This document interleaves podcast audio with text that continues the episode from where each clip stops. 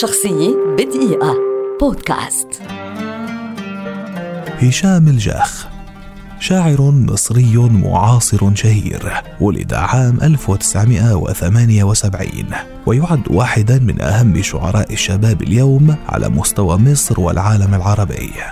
له عشرات القصائد معظمها بالعامية المصرية وجميعها صوتية. وأصدر ديوانه الأول بعنوان الديوان الأول في معرض القاهرة الدولي للكتاب عام 2017 درس هشام في مسقط رأسه سوهاج ثم انتقل في مرحلة الجامعة إلى القاهرة وحصل على بكالوريوس كلية التجارة من جامعة عين شمس عام 2003 وفور تخرجه تم تعيينه مشرفا على المركز الثقافي في الجامعة حتى استقال من هذه الوظيفة عام 2009 ليتفرغ بشكل كامل للشعر. وكان قد حصل قبل ذلك على شهادة الدراسات العليا في علم إدارة الأعمال عام 2007 كما حصل عام 2008 على لقب أحسن شاعر عامية شاب من اتحاد الكتاب المصري. وحصل على المركز الثاني في مسابقة أمير الشعراء في الشعر الفصيح في العاصمة الإماراتية أبو ظبي عام 2011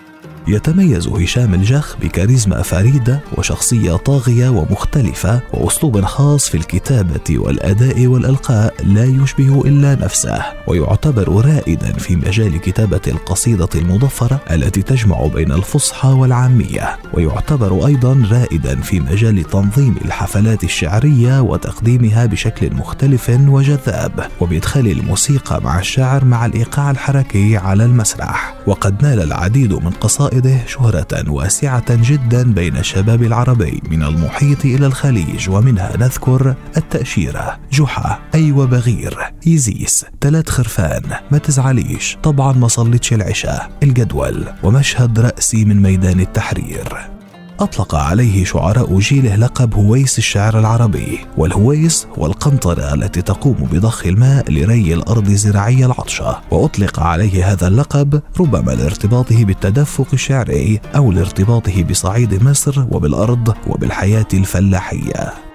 قدم هشام الجاخ عددا كبيرا من الحفلات الجماهيرية على مستوى العالم العربي وليس داخل مصر فقط بل امتدت شهرته إلى خارج الوطن العربي أيضا فقد أقام عدة حفلات للجالية العربية حول العالم.